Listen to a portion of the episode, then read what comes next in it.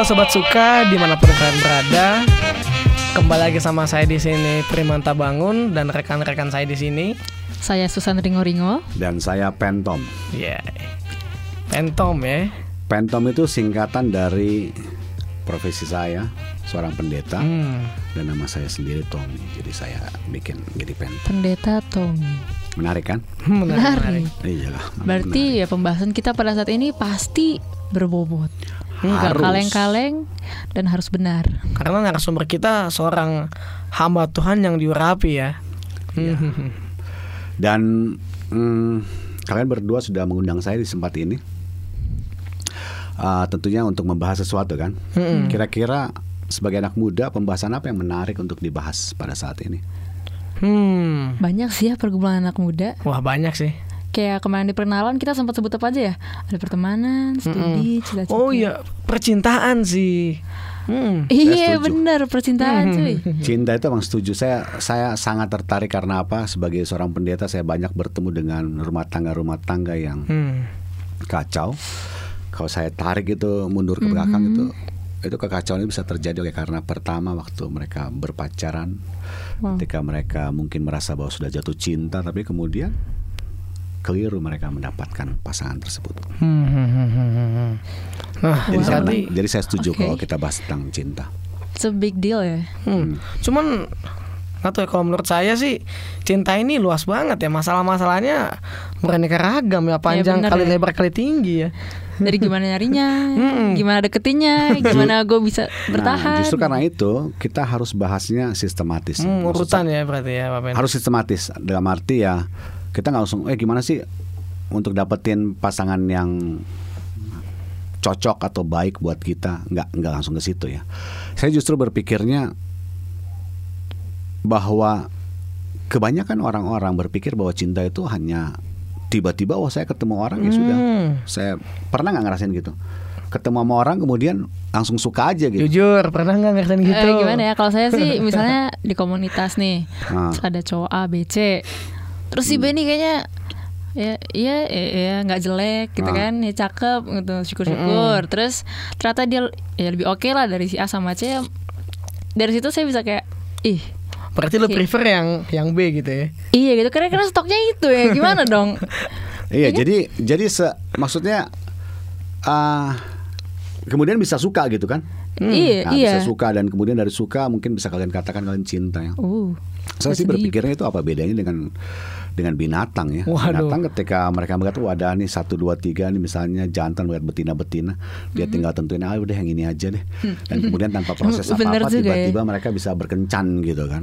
Saya pikir kita manusia kita nggak seperti binatang. Ah, jadi maksudnya begini, sebelum kita jatuh cinta, kita harus ada perencanaan terhadap apa sih sebenarnya yang kita butuhkan gitu? Hmm. siapa sih sebenarnya wanita atau pria yang cocok buat dicintai? Karena kita bukan binatang yang tadi. Ketemu di jalan langsung jadi aja gitu. lebih jauhnya begini yang saya mau katakan. Kenapa saya mesti katakan ini ini penting ya? Perencanaan ini. Perencanaan itu dalam arti pertama begini. Firman Tuhan yang saya pelajari ada beberapa ayat yang mengatakan bahwa kita harus menguji diri kita sendiri. Kita harus menyelidiki batin kita sendiri. Kita harus periksa diri kita dan bahkan dikatakan kenali pikiran kita gitu. Artinya apa? Ketika kita tahu diri kita, maka kita tahu orang seperti apa yang kita butuhkan gitu. hmm. Kira-kira kalian nyambung nggak nih? Udah ya, maksudnya bisa ya, ya. mengerti nggak maksud dari ayat-ayat yang saya katakan tadi? Terbayang terbayang Terbayang ya. Jadi Iya, dikit-dikit lah. kita harus kenal diri kita dulu sebelum kita menetapkan kriteria siapa sih sebenarnya pasangan yang bisa Yang layak buat kita ya. itu dia Hmm. yang layak ya bahasanya yang layak Berat ya yang yang layak. Hmm. Hmm. Nah, yang, yang cocok yang pas gitu kali iya memang memang begitu harus begitu. Cuman bukannya kalau kita mencari pasangan itu kita kenal aja banyak orang sebanyak banyaknya, terus kita cari aja nanti yang mana nih Mana yang cocok gitu paling ini sama kita paling serak gitu sama itu udah kita. biasa orang seperti itu ya biasa itu Standar ya, Bapak, ini? standar itu Ah, saya saya bikin perumpamaan seperti ini deh Ada banyak orang pergi shopping gitu ya, Hmm. dengan tanpa tujuan. Ingat nih, dengan tanpa Window tujuan. shopping gitu ya. Makanya mereka itu ketika mereka masuk ke sebuah mall misalnya, mereka itu hanya masuk keluar, kemudian masuk lagi keluar dari satu tempat ke tempat. Karena mereka nggak tahu sebenarnya apa sih yang saya butuhkan. apa nggak tahu ya. Mereka nggak tahu apa sih saya mau beli. Akibatnya cuci apa? cuci mata. Nah, oh ya kok cuci mata, oke aja. Tapi ingat, bisa saja kita berpikir juga cuci mata. Tetapi pada akhirnya tanpa kita sadari karena kita pikir cuci mata, tahu tahu tiba-tiba kita nggak ada ren- perencanaan Hmm. tiba-tiba, ih kayaknya itu bagus, saya ambil gitu. Oh itu kayaknya itu bagus saya ambil. Iya, betul. Bisa saja itu terjadi kan. Jadi kita tuh membayar sebuah barang yang tidak kita rencanakan waktu kita dari rumah gitu. Apalagi kalau diskon ya. Wah. Nah, itu ada yang jual murah ya. Jual murah. Nah, pasti kita kan sabet aja. yang kan. mudah didapatkan. Waduh, yang easy. Nah, coba kalian bayangkan bawa cerita ini ke cerita cinta gitu. Relate banget sih ya. Relate pasti. ya. Oh. Ada hubungannya karena apa? Oke. Karena sama seperti itu. Kita tuh kadang-kadang karena di otak kita kita belum tahu kebutuhan kita apa. Pas kita ketemu cewek atau kita ketemu cowok, ah ini kayaknya saya suka nih. Padahal dia nggak rencanain gitu untuk menyukai gitu ya. Karena di sebuah pesta atau di sebuah pertemuan atau di mana aja ketemu tiba-tiba, ih saya suka aja su. Apa bedanya sekarang gitu? Dengan orang yang tidak merencanakan sesuatu, tiba-tiba akhirnya dia membayar barang untuk sesuatu yang dia tidak rencanakan. Sama juga kan? Kalian bertemu dengan seorang pria, seorang wanita, cewek atau cowok gitu, padahal kalian nggak rencanakan gitu untuk suka, eh tiba-tiba suka. Oh jadi cinta itu nggak boleh tidak terencana ya? Harus terencana. Waduh. Harus rasional ya. Ya iya, karena sama seperti ilustrasi shopping tadi gitu. Kalau dari rumah kita sudah tahu apa yang kita butuhkan, tentunya kan kita itu nggak akan buang-buang waktu. Oh benar benar benar benar. Iya dong. Hmm. Maksud saya begini, kalau kita sudah tahu dari rumah, oh saya ini butuhnya sepatu, saya pergi ke toko sepatu. Ah, Mereka tanya Ukurannya- berapa ukurannya? Ukuran saya 41. Mereka akan arahkan itu ke sana itu. Hmm. Tinggal kita pergi kan, kita nggak pernah buang-buang waktu. Jadi to the point langsung. Oh iya, ini yang saya butuhkan sudah itu ya sudah saya pergi.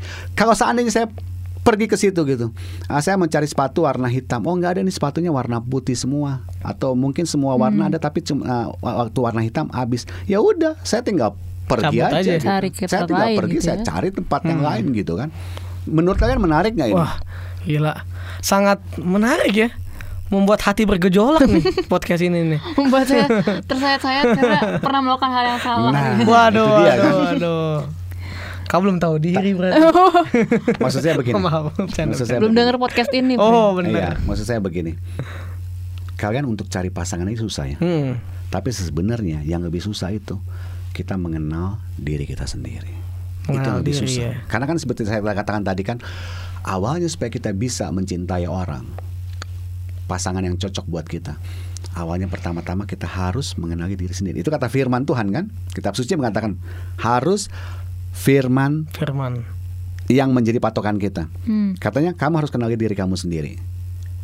Jadi mencari pasangan itu masih lebih gampang menurut saya daripada mengenal diri sendiri. Wah, Gitu ya. Kalian tahu kenapa? karena hati ini licik. Ah, kok bisa tahu ya? Jago loh. Eh memang benar. Kitab suci memang katakan begitu. Hati manusia itu siapa sih yang tahu? Gitu. Itu Siapa yang dapat mengetahui uh, hati manusia ini? Karena apa? Saking liciknya. Dan kenapa saya katakan saya setuju tadi dikatakan hati manusia licik?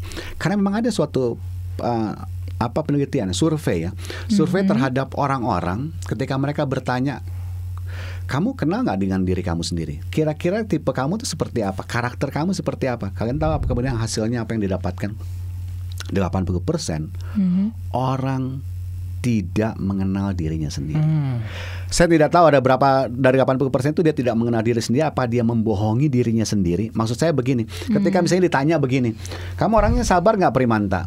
Kamu jawab, oh saya orangnya Oh, sabar, sabar. sabar. Tapi kemudian ketika ditanyakan ke keluarga, di sahabat-sahabatnya, ternyata kamu nggak Pemarah. sabar, ah, pemarah. Jadi kan berarti kamu tuh sebenarnya tidak mengenali diri kamu sendiri gitu. Haha. Ngerti ya? Kamu tidak mengenali diri kamu sendiri, makanya itu sangat berbahaya. Karena apa? Hmm. Kalau kalian bertanya, kemudian apa hubungannya sih mengenali diri sendiri dengan jatuh cinta? Iya apa apa gitu. Ya benar ya, kayak kayak seperti nggak ada hubungannya ya. Iya kan? Ini Hmm. matanya seperti Maksudnya apa hubungannya dengan kan tadi bilangnya kriteria. Jadi Karena kenapa begini, gitu? karena begini. Kalau kita mengenali diri kita sendiri, kita itu pertama-tama akan yang namanya mengenal diri sendiri itu ada hubungannya dengan bagaimana kita menilai diri kita. Hmm. Maksudnya begini. Kalau kita bisa menilai diri kita, kadang-kadang kan begini nih. Kalau kita di antara anak-anak muda kan, eh tuh ada cewek lewat. Kira-kira kalau dari range 1 sampai 10 nih, Sepuluh kapan berapa nih poinnya Ah ya? benar ya, benar ya. Itu kenyataannya kan sering ya Iya, begitu iya. ya. Akan dibilang oh itu 7, oh itu 8 gitu kan. Nah, jadi bagaimana orang menilai kalian itu kalian juga harus belajar menilai diri kalian sendiri dong. Iya dong. Hmm. Ada hubungannya kan dengan kitab suci mengatakan bahwa kita harus menilai diri kita sendiri dengan kejujuran. Artinya begini, kalau seandainya kita menilai diri kita sendiri, kita ketahui bahwa sesungguhnya nilai kita ini hanya tujuh, Hmm. apa yang terjadi? Kalau seandainya nih nilai ah, kita tujuh nih, kita jangan pernah bermimpi untuk mendapatkan pasangan yang oh itu sembilan misalnya. Waduh, nggak tahu diri berarti gitu ya. Nah, oh iya itu Aduh, sedih banget. ya? Akhirnya ngerti ya. Mami. Egois ya. iya kan? Kalau kita tahu kita di cuma tujuh, masa kita kemudian me- apa memimpikan untuk dapat wah itu cewek atau cowok ganteng apa semuanya. Padahal tampang kita cuma tujuh gitu. Padahal dia sembilan mungkin misalnya. Pengen diteriakin, "Oi, ngaca lo." gitu. Ah, kira-kira ini ini podcastnya ini bagusnya judulnya begitu. Hmm. Ngaca, Ngaca. sebelum pacaran. Sabi, Keren sabi. Keren, keren, keren. Iya kan? Ngaca dulu sebelum pacar karena orang banyak yang tahu diri. Dan bagi saya kenapa ini penting?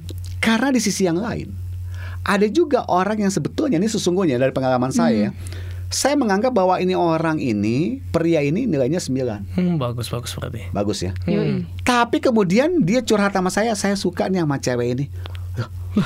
Kamu yang benar karena saya tahu ini nilainya 7 gitu. Kalian tahu nggak apa artinya kalau kalian nggak bisa menilai diri kalian sendiri gitu? Artinya kalian itu akan menjadi orang yang dikasihani. Maksudnya begini, enakan di mana nih? Kalian sembilan tahu-tahu naksir yang tujuh, tujuhnya si- siapa yang men- siapa yang untung gitu? Menang Ya, banyak ya, yang ya. tujuh kan? Rugi kan? Dan kadang-kadang kan kalau kita ngeliat pasangan yang itu ah ini bagi saya nih Yang kurang pasangan seimbang gitu pasangan yang nggak- nggak seimbang gitu yang nggak sepadan. Akhirnya sembilan sama tujuh jangan sama-sama. Kita kan ih kok itu cowoknya ganteng ceweknya kok biasa-biasa aja gitu Jadi seuzon juga ya. udah pasti kita kan menduga-duga ini apa Dan itu nih kita cari-cari juga emang beneran biasa aja gitu Memang, memang benar kalian mungkin cari-cari yang apa kelebihannya nggak ada memang mungkin dia pinter atau mungkin dia Heeh, kan ini. kadang-kadang begitu Ah, kan. bisa kadang-kadang begitu. Tapi itu yang terjadi. Nah, sampai sejauh ini kira-kira kalian udah dapat gambaran dong. Dapat, dapat, dapat. Sebetulnya ketika kita sebelum jatuh cinta atau sebelum kita mendapatkan pasangan, penting untuk menilai diri kita Menilai sendiri. diri. Tapi sebelumnya kalau misalnya ini si 9 jadi sama si 7 Hah, Emang emang apa apa hal buruk yang bisa terjadi gitu kalau misalnya ini hal buruk yang terjadi kemudian orang-orang kalau dia ketemu dengan teman-temannya, temannya si sembilan ini kan bilang begini, eh, lo bener nih pacaran sama dia. Mana apa hebatnya lu ganteng. Dia bisa biasa aja gitu. Itu sering terjadi gitu. Hmm. bener gak kita ketemu orang yang begitu? Bahkan mungkin kalau kita nggak bertanya kepada dia tapi pertanyaan kita kita pasti akan dalam hati ini kenapa ya dia mau sama dia? Kasihan, padahal begini bisa kasihan saja gitu ya. maksud ma- ma- maksud saya begini. Misalnya nih lo cowok ganteng kemudian lu dapet cewek yang tujuh lo sembilan ya. Bisa aja kemudian nih misalnya Susan dia levelnya juga sembilan Hmm. Susan akan bilang begini kenapa dia nggak mau sama gue nih si Primanta padahal kan sama nih gue gue cantik dia ganteng cocok kenapa dia mau kan berdosa kita kalau begitu Hmm. bener nggak tapi kan tuh buat pihak luar nih. Hmm. Maksudnya kadang-kadang ya ya terserah lah apalagi kalau cintanya ya terserah lah orang ngomong apa yang penting kita bahagia gitu. Ungkapan-ungkapan duniawi gitu ya. Tapi Gua- kalau enggak kalau gue rasa sih secara pribadi ya itu mungkin tertutup ya mungkin karena nggak ada cewek di posisinya dia di daerahnya dia tuh yang memang cuma tujuh mungkin yang terbaik. Tapi suatu saat dia akan pergi ke tempat lain. Makanya kenapa bisa terjadi perselingkuhan ketika menikah? Makanya tadi saya ngomongin ya pas dia sadar eh ternyata gue orang hebat loh. Banyak orang suka sama gue dia mungkin berada di suatu tempat yang memang cuman ini cowok yang ah, cewek yang maksudnya yang yang the bestnya tuh cuma tujuh doang. Yang mau nggak mau daripada nggak pacaran kan gue pacarin aja lah gitu kan. Tapi ketika dia pergi ke dunia luar makanya banyak terjadi. Orang-orang yang kemudian dia sudah berpacaran pas dia ngeliat oh ternyata banyak orang yang suka gue oh dan nilainya ternyata lebih bagus dari itu terjadi perselingkuhan. Hmm. Itu yang terjadi itu kenyataan yang yang secara pribadi, gue secara pendeta tuh ya gue dapetin gitu. Hmm. Jadi bagaimana pasangan yang tidak seimbang tadi? Jadi artinya begini kita harus fokus. Kita mulai lagi ya. Jadi sebelum kalian mendapatkan pasangan, mencari pasangan, tadi apa? Ngaca. Ngaca dulu. Kenapa? Karena ada dua hal yang bisa terjadi dalam pengacaan diri kita ini. Yang pertama yaitu bisa saja kita ini mencintai orang yang tidak se apa ya, Setingkat. sen- ya, setingkat ya. Nilai kita cuma 7 tapi kemudian kita mengharap 9 akhirnya nggak pacaran pacaran gitu. Mm-mm. ini orang kenapa sih jomblo terus? Karena dia memimpikan sesuatu yang bukan ukurannya dia. Karena dia nggak ngaca gitu. Seperti itu? Ya. ya bisa jadi kan? Ngaca dulu kalau mau tes Iya. Nah, Gua mesti ngaca makanya di ini podcast ini mengajari kalian, kalian ngaca dulu nih, nilai kalian berapa.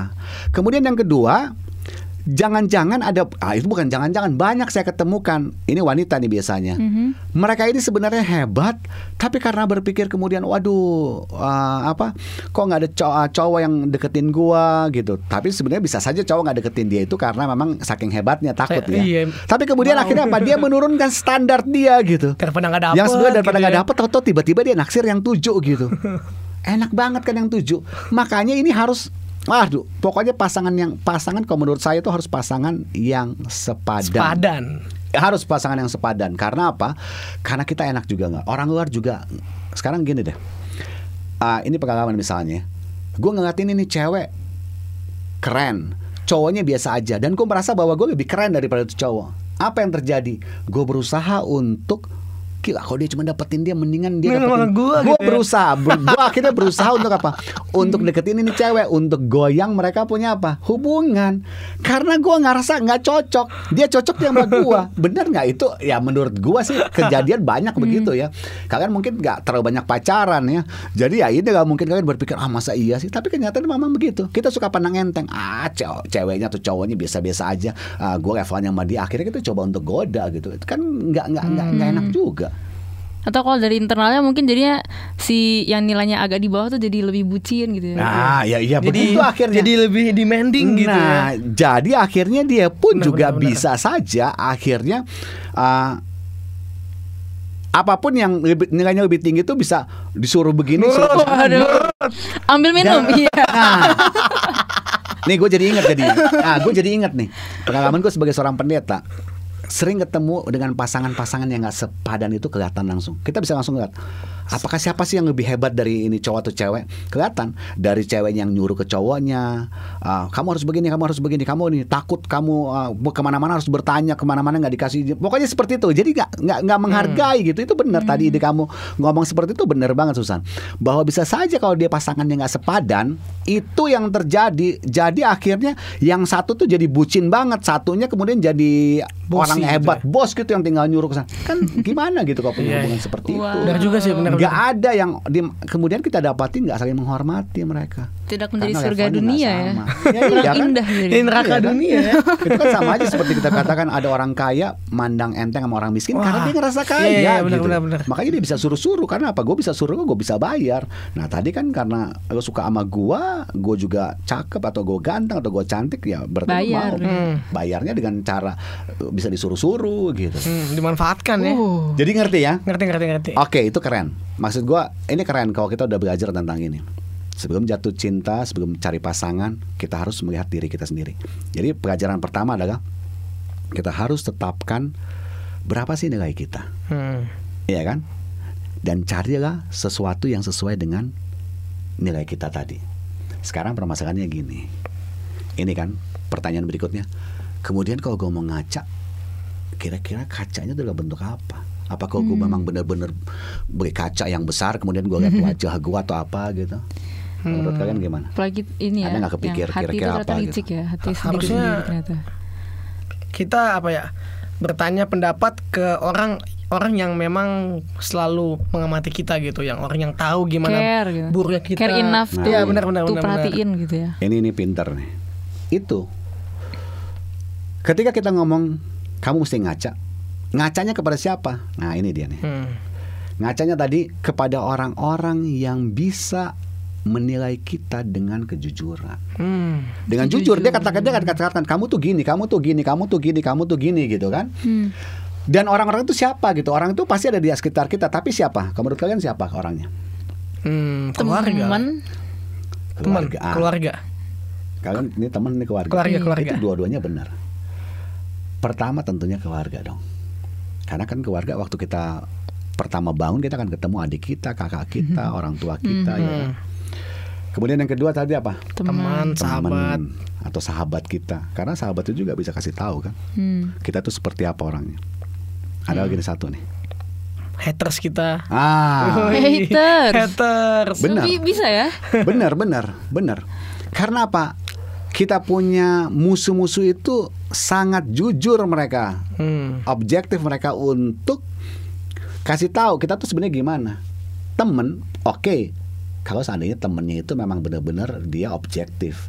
Kadang-kadang ada teman juga yang cuman karena Diplomatis gitu ya. Diplomatis. bukan diplomatis Untuk maksudnya menjaga karena dia ada ini maunya ya. sama Oh. kita kita suka bayarin dia ya dia kan ngomong baik-baik tentang kita dong iya kan tapi kan nggak semua teman yang seperti itu gitu. Maksudnya ada ada teman yang secara jujur dia katakan kamu tuh sebenarnya dalam hal ini kamu pemarah. Kamu nggak sabar menghadapi dia. Kamu Hmm. tuh orangnya begini begini tapi ada juga orang yang ya udah biarin aja. Yang penting gue mendapatkan keuntungan. Yang penting gue nggak mengkritik. Karena siapa sih orang yang mau dikritik gitu kan? Hmm. Nah, kira-kira dari semua nih ya, keluarga, kemudian sahabat atau kita punya haters tadi ya, kira-kira mana nih yang benar-benar jujur dalam kehidupan kita nih? Untuk menilai siapa berapa sih sebenarnya siapa siapa kita dan berapa sih sebenarnya nilai kita gitu.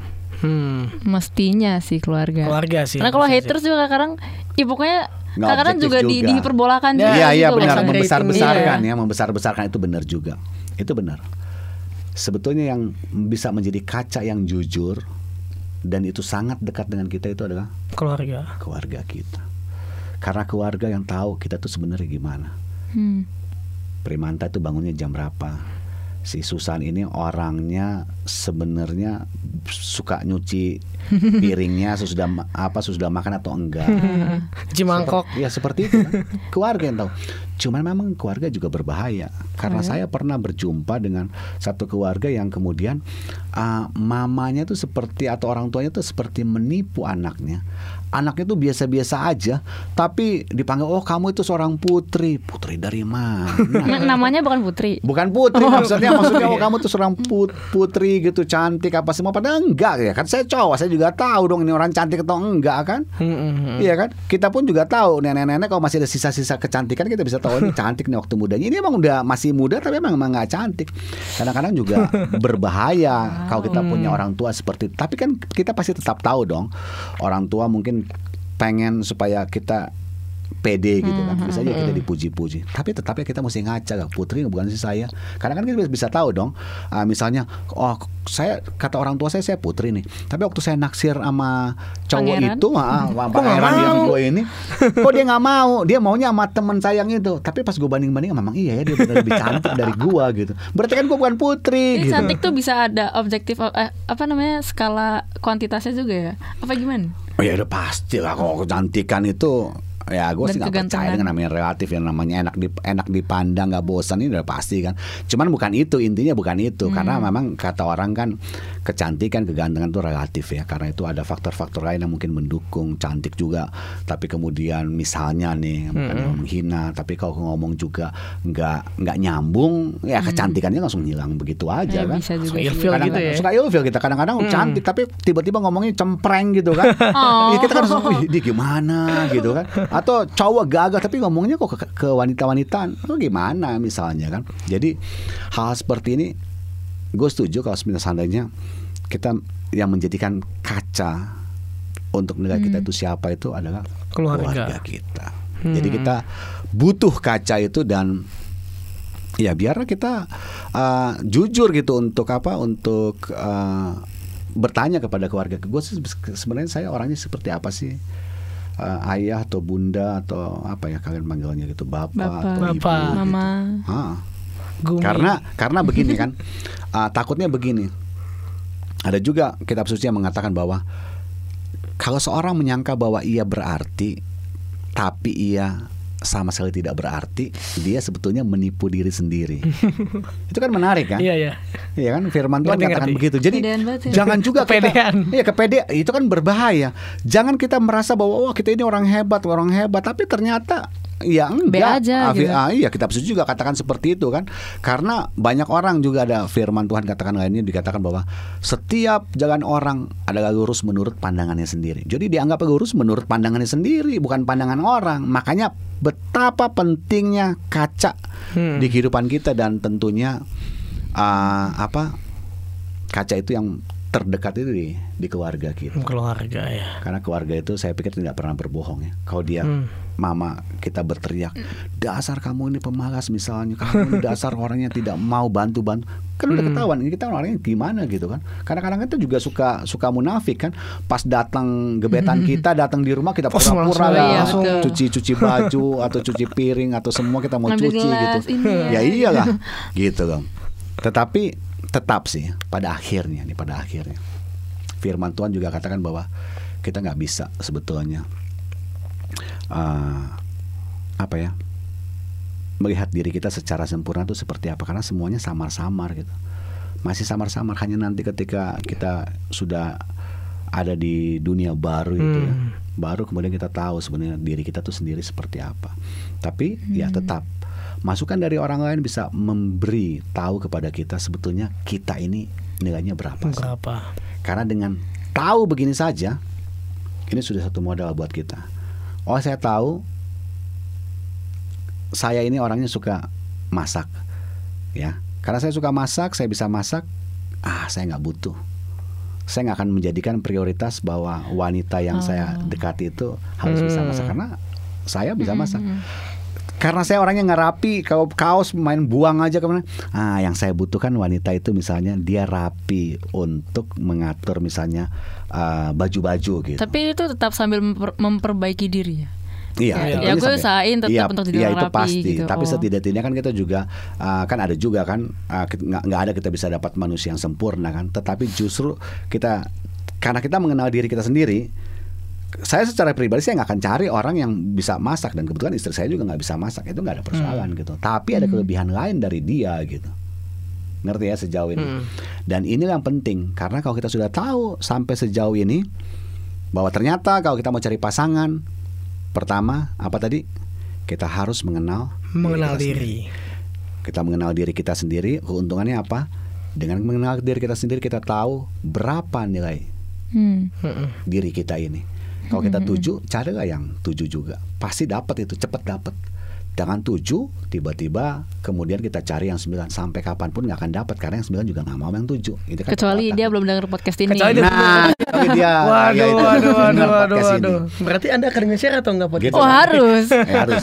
Dan atau juga jangan sampai nilainya 9 tapi kemudian dia menganggap dirinya rendah jadi tujuh dan dia mendapatkan pasangan itu akhirnya nanti sa- yang tujuh. Ah, keenakan tujuh dan suatu saat pas dia sadar terbuka matanya Menyesal dia ya. menyesal mau putusin nggak bisa Hmm. bisa tapi kalaupun diputusin kasihan kan kita sudah mengecewakan orang gitu.